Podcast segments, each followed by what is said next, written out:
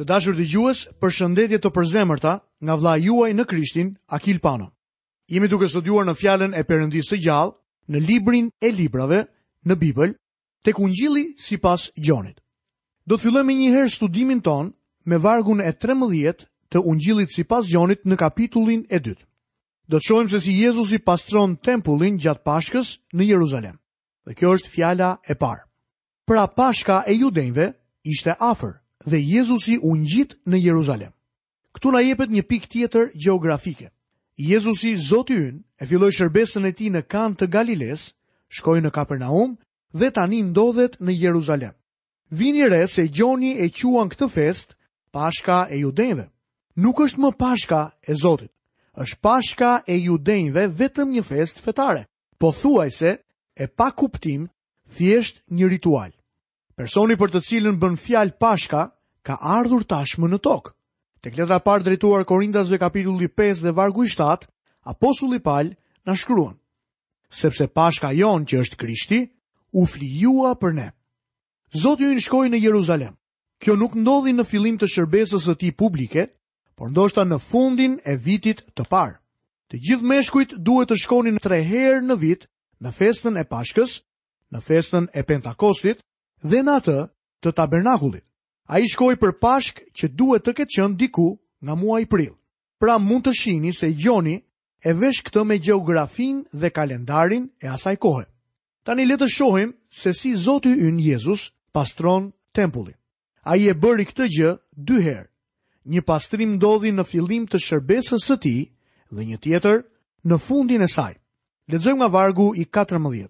Dhe në tempull gjeti ata që shisnin qe, dele e pëllumba dhe këmbyes monedhash duke ndenjur. Të gjithë këta njerëz shisnin kafshë, pëllumba dhe këmbenin monedha. Është mjaft interesant fakti që ata nuk do të përdornin asnjë lloj paraje përveçse monedhës së tempullit. Asnjë monedhë tjetër nuk mund të përdorej apo të ofrohej. Kështu pra, ata kishin një vend ku këmbeheshin paratë dhe fitonin mirë duke bërë këtë punë. Kur u ktheva nga Venezuela disa vite më parë, kisha disa monedha të këtij vendi, nga të cilat doja të çlirohesha sepse me to nuk mund të blija asgjë. Në aeroport kishte një vend këmbimi, kështu që shkova dhe u thashë që doja t'i këmbeja me dollarë amerikanë. Më besoni miq, mora shumë më pak dollarë se sa kur këmbeva dollarët me paratë venezuelase. Në të njëjtën mënyrë vepronin edhe në tempull. Pse kishin ata në atë kohë një sistem të tillë? pse vepronin kështu, sepse po e bënin fenë e tyre më të lehtë. Ata merrnin monedhat romake që kishin portretin e Cezarit dhe vulën e paganizmit në të dhe i këmbenin me monedhat hebreje që përdoreshin në tempull. Ata ndodheshin atje për të lehtësuar adhuruesit. Ata këmbenin gjithashtu monedhat e mëdha me ato më të vogla. jo vetëm që e kishin bërë fenë të lehtë, por gjithashtu edhe të lirë. E pranoj se ne nuk duhet ta mbivlerësojmë paranë në kishë dhe nuk duhet të lypim, por dua t'ju tregoj për diçka që është më e papranueshme sesa kjo. Disa njerëz e trajtojnë kishën dhe çështjen e Zotit Jezu Krisht si diçka kaq të lirë që ndonjëherë bëhet e nevojshme t'i bihet alarmit. Kështu pra ata shisnin kafshë, Me kafshët e sakrificës bëhej një tregti e madhe. Kishte shumë punë dhe shpenzime për t'i rritur ato kafshë dhe e gjitha kjo bëhej nëpërmjet një çmimi. Ishte mjaft e thjeshtë që e gjitha kjo të kthehej në një mashtrim fetar. Sot neve kemi të njëjtin problem. dhe si bëri një kamzhik me litar, i dëboi të gjithë nga tempulli bashkë me qetë dhe delet dhe ua hallakati paratë këmbyesve të monedhave dhe ua përmbysi tavolinat, dhe shitësve të pëllumbave u tha, Hiqni këto gjëra që këtej, mos e bëni shtëpinë e atit tim shtëpi tregtie. Kështu dishepujve të tij iu kujtohej se ishte shkruar, Zelli i shtëpisë sate më ka përpirë. Po ju them se Zoti ishte i fortë. S'kishte asnjë lloj dyshimi për këtë. Nuk më pëlqejnë pamjet që e paraqesin Krishtin si një anemik, një person të, të sëmurë, një individ që nuk ka ngjyrë në fytyrën e tij. Artistët me sa duket nuk e kuptojnë se kush ishte në të vërtetë Jezusi. Dishepujve iu kujtua vargu nga Psalmi 69 dhe vargu i 9. Ky psalm citohet 17 herë në Dhjatën e Re dhe është një nga gjashtë psalmet më të cituara në Dhjatën e Re. Na citohet sërish tek Gjoni kapitulli 15 dhe vargu 25 dhe në kapitullin 19 vargjet 28 dhe 29. Psalmet e tjera që shpesh i gjejmë të cituara janë psalmi 2, 22, 89, 110 dhe 118. Po le të kthehemi sërish tek Gjoni kapitulli 2 dhe lexojmë vargun 18 dhe 19.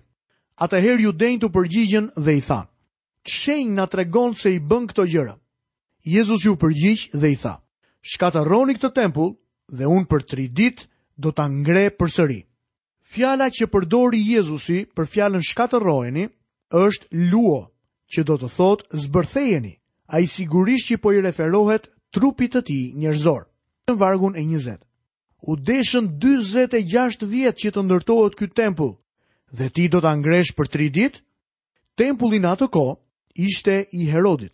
Ai ishte ende në procesin e ndërtimit, proces që kishte filluar që prej 46 vjetësh. Këtu jepet një përdorim specifik i fjalëve në greqisht që do të doja ta shikonim. Në vargjet 14 dhe 15, kur tregohet që Jezusi pastroi tempullin, fjala e përdorur për tempullin është fjala greke hieron, që i referohet tempullit si një pjesë e tërë. Në fakt, Jezusi pastroi vetëm oborrin e pjesës periferike dhe jo tërë tempullin. Fjala që përdor Jezusi për tempullin në vargun e nëntëmbëdhjetë dhe që judenjtë e përsërisin në vargun njëzet, është fjala greke naos. Kjo i referohet pjesës së brendshme të shenjtërores së tempullit. Kjo fjalë mund të përdoret duke iu referuar trupit, ashtu siç e ka përdorur apostulli Paul tek 1 Korintasit kapitulli 6 dhe vargu 19, kur thotë se vendi i shenjtë sot nuk është një tempull i bërë nga duart e njerëzve, por vetë trupi. Dhe fjala e përdorur është naos. Trupi ynë është tempulli i frymës së shenjtë. Judenjtë e pyetën Zotin nëse mendonte vërtet ta shkatërronte tempullin, por sigurisht Zoti Jezus po fliste për tempullin e trupit të tij. Vargu i 21. Por ai fliste për tempullin e trupit të vet. Jezusi tha se nëse do ta shkatërronin këtë tempull, ai do ta ngrinte. Fjala që përdori ishte egeiro, që Gjoni e përdor pesë herë në ungjillin e tij. Kuptimi i vërtetë i saj është zgjoj, dhe çdo herë që fjala është përdorur, i është referuar ngritjes nga të vdekurit. Pali përdor të njëjtën fjalë në predikimin e tij në Antioki të Pisidisë, ku thotë katër herë. Ajo i referohet ringjalljes së Krishtit dhe ringjalljes së besimtarëve. Përdoret gjithashtu edhe në kthimin në jetë të Lazarit. Ishte një zgjim. Kjo është pamja që na paraqet kjo fjalë, egeiro. Kjo ishte pikërisht ajo çfarë donte të thoshte kur foli për tempullin e trupit të tij. Por dishepujt e tij nuk e kuptuan këtë.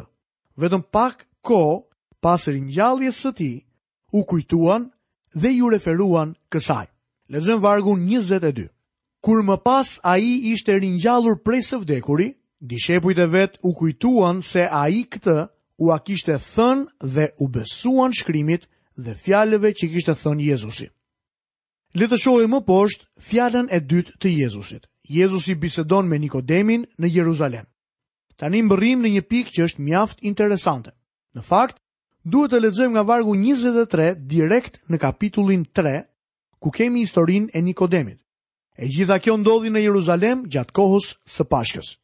Dhe kur qe në Jeruzalem për festën e Pashkës, shumë vetë besuan në emrin e tij, duke parë shenjat që bënte. Shumë njerëz e kanë lexuar këtë varg dhe kanë thënë: A nuk është e mrekullueshme që njerëzit po besonin në të? Por nuk ishte e mrekullueshme sepse besimi i tyre nuk ishte aspak besim shpëtues. Ata tundnin vetëm kokën duke miratuar kur panë mrekullitë që bëri Jezusi. Vini re se çfarë vijon më pas. Lexojmë në kapitullin e dytë, vargu njëzet e katër dhe njëzet e pesë. Por Jezusi nuk u zinte besë atyre, sepse i njihte të gjithë, dhe sepse nuk kishte nevojë që ndokush të jepte dëshmi për njeriun, sepse ai e dinte ç'kishte përbrenda njeriut. Gjuha që është përdorur këtu, tregon që Jezusi nuk u besonte atyre. E shihni, ata besuan në të, por ai nuk u besonte atyre. Me fjalë të tjera, besimi i tyre nuk ishte një besim shpëtues, dhe ai sigurisht që e kuptoi këtë. Ai e dinte se çfarë kishte në zemrat e tyre. Ky është ende sot një rrezik i madh për ata që thonë se besojnë tek Jezusi. Çfarë ke ndërmend kur thua se beson tek Jezusi? A po thua që beson në faktet e Ungjillit? Çështja e rëndësishme është kjo. A i beson Krishtit si shpëtimtarit dhe Zotit tënd që vdiq për mëkatet e tua? A beson se ai u ngrit për justifikimin tënd? A është ai e vetmja shpresë për të shkuar në qiell? Kjo turmë njerëzish ishte e interesuar dhe kur e panë Jezusin duke kryer mrekulli, besuan. Nuk kishin se çfarë të bënin tjetër. Ata panë me sytë e tyre mrekullitë. Por Jezusi nuk besonte në ta. Ai e dinte se besimi i tyre nuk ishte i sinqertë, sepse i njihte të gjithë. Ai e dinte se çfarë kishte në zemrën e njeriut. Ai nuk kishte nevojë që ndokush të jepte dëshmi për njeriun, sepse e dinte fare mirë se çfarë ishte brenda njeriut. Me fjalë të tjera, Zoti Jezus nuk i zuri besë turmës atje. Turma e madhe besoi në të, por ai nuk besoi në ta. Kur Nikodemi erdhi natën tek Zoti ynë, i besoi atij, sepse besimi i këtij njeriu ishte i sinqertë. Të dashur miq, tani do të fillojmë studimin në kapitullin e tretë të Ungjillit të Gjonit. Tema e këtij kapitulli është Jezusi bisedon me Nikodemin në Jeruzalem. Kjo është fjala e dytë. Ndarja e kapitullit në këtë pjesë nuk është shumë e favorshme për të parë rrjedhën e ngjarjeve, kështu që ne po vazhdojmë pa i ndarë për t'i parë në vazhdim me njëri tjetrin. Lexojmë edhe një herë vargun 24 të kapitullit të dytë të Ungjillit sipas Gjonit dhe menjëherë vargun e parë në kapitullin e tretë. Por Jezusi nuk u zinte besë atyre, sepse i njihte të gjithë dhe sepse nuk kishte nevojë që ndokush të jepte dëshmi për njeriun, sepse ai e dinte ç'kishte brenda njeriut. Midis farisenjve ishte një njeri me emrin Nikodem, një krerë i judenjve. Ky njeri veçohet nga turma. Zoti ynë nuk i besoi turmës, sepse e dinte që besimi i tyre nuk ishte i sinqertë. Por Nikodemi ishte njeri i sinqertë. Le të njihemi pak me të. Këtu thuhen tri gjëra për të. Së pari, Nikodemi ishte një farise. Kjo do të thotë se i përkiste grupimit më të mirë që gjendej në Izrael. Ata besonin në frymëzimin e dhjatës së vjetër. Besonin në Mesinë që do të vinte. Besonin në mrekulli dhe në ringjallje. Ai ishte në mes të farisenjve dhe emri i tij ishte Nikodem, pra na jepet edhe emri i tij. Ai ishte gjithashtu një kre i judenjve. Kjo na tregon se ky njeri mbante tre maska. Kjo është pamja e një njeriu modern nëse vërtet ka pasur njerëz të tillë në atë kohë. Nikodemi kur u takua me ta, ishte një prej farisenjve. Kur ishte në mes tyre, ishte si një nga ata. Kur dilte nga farisenjë dhe ecte në rrugë, njerëzit e shikonin duke ardhur dhe ndalonin në anë të rrugës. Ai mbante veshur rrobën e tij fetare dhe shallin e lutjes. Kështu që të gjithë thoshnin: "Ky është kreu Nikodem." Ai është një njeri i jashtëzakonshëm. Ai është kreu i judenjve. Kështu që do të adoptonte një qëndrim krejt ndryshe me ta. Por emri i tij ishte Nikodem dhe nën këto dy maska që mbante, ai ishte vetëm Nikoja i thjeshtë dhe i vogël. Në ditët e sotme, ka shumë njerëz që jetojnë në të njëjtën mënyrë. Një njeri që është biznesmen dhe president i një korporate Mund të ketë shumë maska. Shkon në mëngjes në zyrë dhe të gjithë nëpunësit e thërrasin zotëri, duke iu përulur, aq shumë sa bëhen urë, edhe pse mendojnë se e njohin në të vërtetë nuk e njohin. Pastaj, ky person largohet nga zyra dhe takon disa nga klientët e tij. Kur ata e pyesin për biznesin e tij, ai thotë, o, biznesi më shkon vaj. Pastaj shkon në klubin e tij për të ngrënë drekë. Në momentin që hyn brenda, në restorant, është një njeri krejt ndryshe. Ai nuk është më zoti filan, presidenti i korporatës, por thjesht një X apo Y person. Ata luajnë shah me të, mendojnë se e njohin dhe e thërrasin në emër. Ai merr një qëndrim krejt ndryshe me ta. Kjo është një marrëdhënie e ndryshme nga të tjerat. Ata e pyesin për punën dhe ai u thotë, puna më shkon në mënyrën më të mirë. Pastaj në mbrëmje, kur puna ka mbaruar, shkon në shtëpi, hap derën, hyn brenda, heq xhaketën dhe ulet në një karrike. Tani është një njeri krejt ndryshe. Gruaja e tij vjen, e sheh të ulur në karrike të brengosur dhe të zhveshur nga të gjitha maskat e tij. Ai nuk është më biznesmeni, kreu i korporatës dhe as burri i restorantit. Tani ai është X-i i thjeshtë dhe i vogël. Gruaja e tij e pyet, Çfarë ka ndodhur? A po ecën keq biznesi? Ai me fytyrën e mërzitur përgjigjet, Biznesi është dobësuar. Ja pra se kush është në të vërtetë ky njeri. Lexojmë vargun e dytë.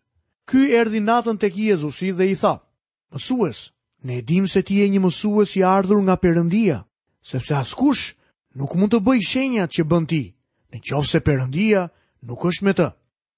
Ky njeri, Nikodemi, erdhi tek Jezusi me një maskë. Ai tha, ne e dimë, kush ne, cilët ishin ata? Farisenjtë, ai vjen si një njeri i farisenjve. Ai e ka vënë këtë maskë. Ai vjen me një kompliment të sinqertë. Ai nuk është hipokrit.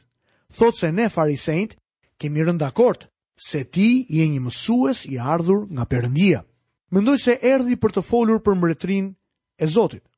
Farisenjtë donin të themelonin mbretërinë dhe të hidhnin tutje zgjedhën romake, por nuk kishin asnjë mënyrë për ta bërë këtë. Po ja ku del një person që është mjaft popullor. Turmat e ndiqnin kudo që shkonte. Kështu që farisenjtë donin ta kapnin karron e tyre të vogël tek ylli i tij. Meqenëse Jezusi ka ardhur në Galile, mendojnë se nuk di të merret me politikanët njëlloj siç ata mund të merren, kështu që ata duan të kombinojnë forcat. Pra, Nikodemi vjen duke e ditur që Jezusi ishte një mësues i ardhur nga Perëndia. Prova e referimit të tij ishin mrekullitë që kishte bërë Jezusi. Ai duhet të pranonte mrekullitë. Ju lutem vini re që askush nuk dyshoi në mrekullitë e Jezusit në atë kohë. Ndoshta sot duhet të jesh një profesor seminari i zhvendosur dy mijë vjet më vonë në kohë dhe me mijëra kilometra larg nga vendi ku ndodhën ato për të dyshuar për ato mrekulli. Do të zbuloni se as miqtë dhe as armiqtë e Jezusit nuk dyshuan ndonjëherë për mrekullitë që Jezusi bëri. Lexojmë më poshtë vargun e tretë. Jezusi iu përgjigj dhe tha: Në të vërtetë, në të vërtetë po të them, që nëse një person nuk ka rilindur, Nuk mund ta shohë mbretërinë e Perëndisë. Mendoj se kjo ishte arsyeja pse Jezusi erdhi të fliste për mbretërinë e Zotit. Nuk shoh asnjë arsye tjetër pse Zoti ynë do ta ndërpriste menjëherë dhe do t'i thoshte, Çështja qëndron se ti nuk mund ta shohësh mbretërinë e Perëndisë pa u rilindur sërish. Ja ku ndodhet përpara nesh një farise, që është një person fetar nga koka deri në majë të gishtave të këmbës. Dhe përsëri Zoti ynë i thotë që nuk mund ta shohë mbretërinë e Perëndisë pa u rilindur sërish. Nëse ky njeri erdhi për të folur për mbretërinë dhe për themelimin e saj, atëherë deklarata e Zotit tonë e çorientoi. Kështu që tani edhe pse e heq maskën e fariseut, është ende një kre i judenjve. Lexojmë vargun e katërt. Nikodemi i tha, po si mund të lindë njeriu kur është ende plak? A mund të hyjë ai për së dyti në barkun e nënës së vet dhe të lindë? Jezusi tha se ai duhet të lindte sërish. Fjala greke për fjalën përsëri është anothen, që do të thotë prej së larti. Ky njeri Nikodemi nuk mund të mendonte gjë tjetër përveçse lindjes prej së poshtmi, lindjes fizike. Ai hoqi menjëherë maskën e fariseut dhe pyeti se si mund të ndodhte kjo. Por Zoti ynë nuk po fliste fare për lindjen fizike. Ai po fliste për lindjen shpirtërore. Nikodemi nuk mund ta kuptonte lindjen shpirtërore. Arsyeja ishte se nuk kishte kapacitet të mjaftueshëm shpirtëror për ta kuptuar. Lexojmë vargun e pestë. Jezusi u përgjigj, Në të vërtetë, në të vërtetë po të them, se kush nuk ka lindur nga uji dhe nga fryma, nuk mund të hyjë në mbretërinë e Perëndisë. Çfarë do të thotë të lindesh nga uji dhe nga fryma? Ka disa njerëz që mendojnë se lindja nga uji është një referencë e pagëzimit me ujë, por nëse do t'i referohej atij, atëherë kjo do të ishte një shprehje e çuditshme. Ka pastaj disa doktorë të krishterë që e interpretojnë lindjen nga uji si një lindje fizike që është një lindje në ujë. Fëmija në bark është në ujë. Nuk mendoj se kjo është ajo çfarë na thuhet këtu. Jezusi nuk po fliste për ndryshimin midis lindjes natyrore dhe asaj shpirtërore, por se si një njeri mund të lindte prej së larti apo të rilindte. Ashtu siç e pamë në kapitullin e dytë, uji është simboli i fjalës së Zotit. Më vonë në këtë libër do të shohim se Jezusi thotë, shenjtëroji në të vërtetën tënde, fjala jote është e vërteta. Në fjalë ekziston fuqia pastruese dhe shenjtëruese. Te kapitulli i pesëmbëdhjetë i Ungjillit të Gjonit, vargu i tretë, Jezusi tha, Ju tashmë jeni të pastër për shkak të fjalës që ju kumtova. Fjala e Zotit krahasohet herë pas here me ujin. Ne besojmë se të lindesh nga uji dhe nga fryma, do të thotë që një person duhet të lindë sërish nga fryma e shenjtë duke përdorur fjalën e Zotit. Ne besojmë që askush nuk mund të lindet sërish pa fjalën e Zotit të zbatuar nga fryma e tij. Një person është i lindur prej së larti me anë të ujit që është fjala e Zotit dhe me anë të frymës, frymës së shenjtë që e bën të vërtetë fjalën në zemrën tënde. Në librin e veprave të apostujve, jepen tre biseda të jashtëzakonshme. Unë besoj se ato na janë dhënë kryesisht si ilustrime, jepet biseda e eunukut etiopas, biseda e Kornelit dhe biseda e Palit. Këta tre njerëz janë përfaqësues të tre familjeve të Noeut, djalit të Semit, djalit të Kamit dhe djalit të Jafetit. Në secilën nga këto tre raste, fjala e Zotit u përdor nga fryma e shenjtë për bisedat e tyre. Fjala e Zotit u përdor nga fryma e shenjtë për këto biseda dhe është dhënë nga një njeri i Zotit.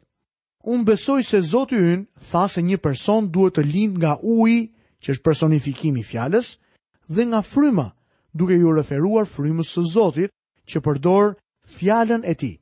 Pa këtë, Nikodemi nuk mund të hynte në mbretërinë e Perëndisë. Të dashur miq, Këtu kemi mbërritur në fundin e minutave të emisionit të sotëm. Falenderoj Perëndinë që Ai e bëri të mundur që unë dhe ti të jemi të rilindur sërish për shkak se e kemi pranuar Zotin Jezus në zemrën tonë, fjalën e Perëndisë të gjallë, që kur morëm mesazhin e shpëtimit dhe menjëherë fryma e shenjtë e Zotit u bashkua me fjalën e tij që mbiu në ne dhe ne u rilindëm. Nga vëllai juaj në Krishtin Akil Pano, Paçi të gjitha bekimet e Perëndisë dhe paqen e Tij në jetën tuaj. Bashkë mirudëgjofshim në emisionin e ardhshëm.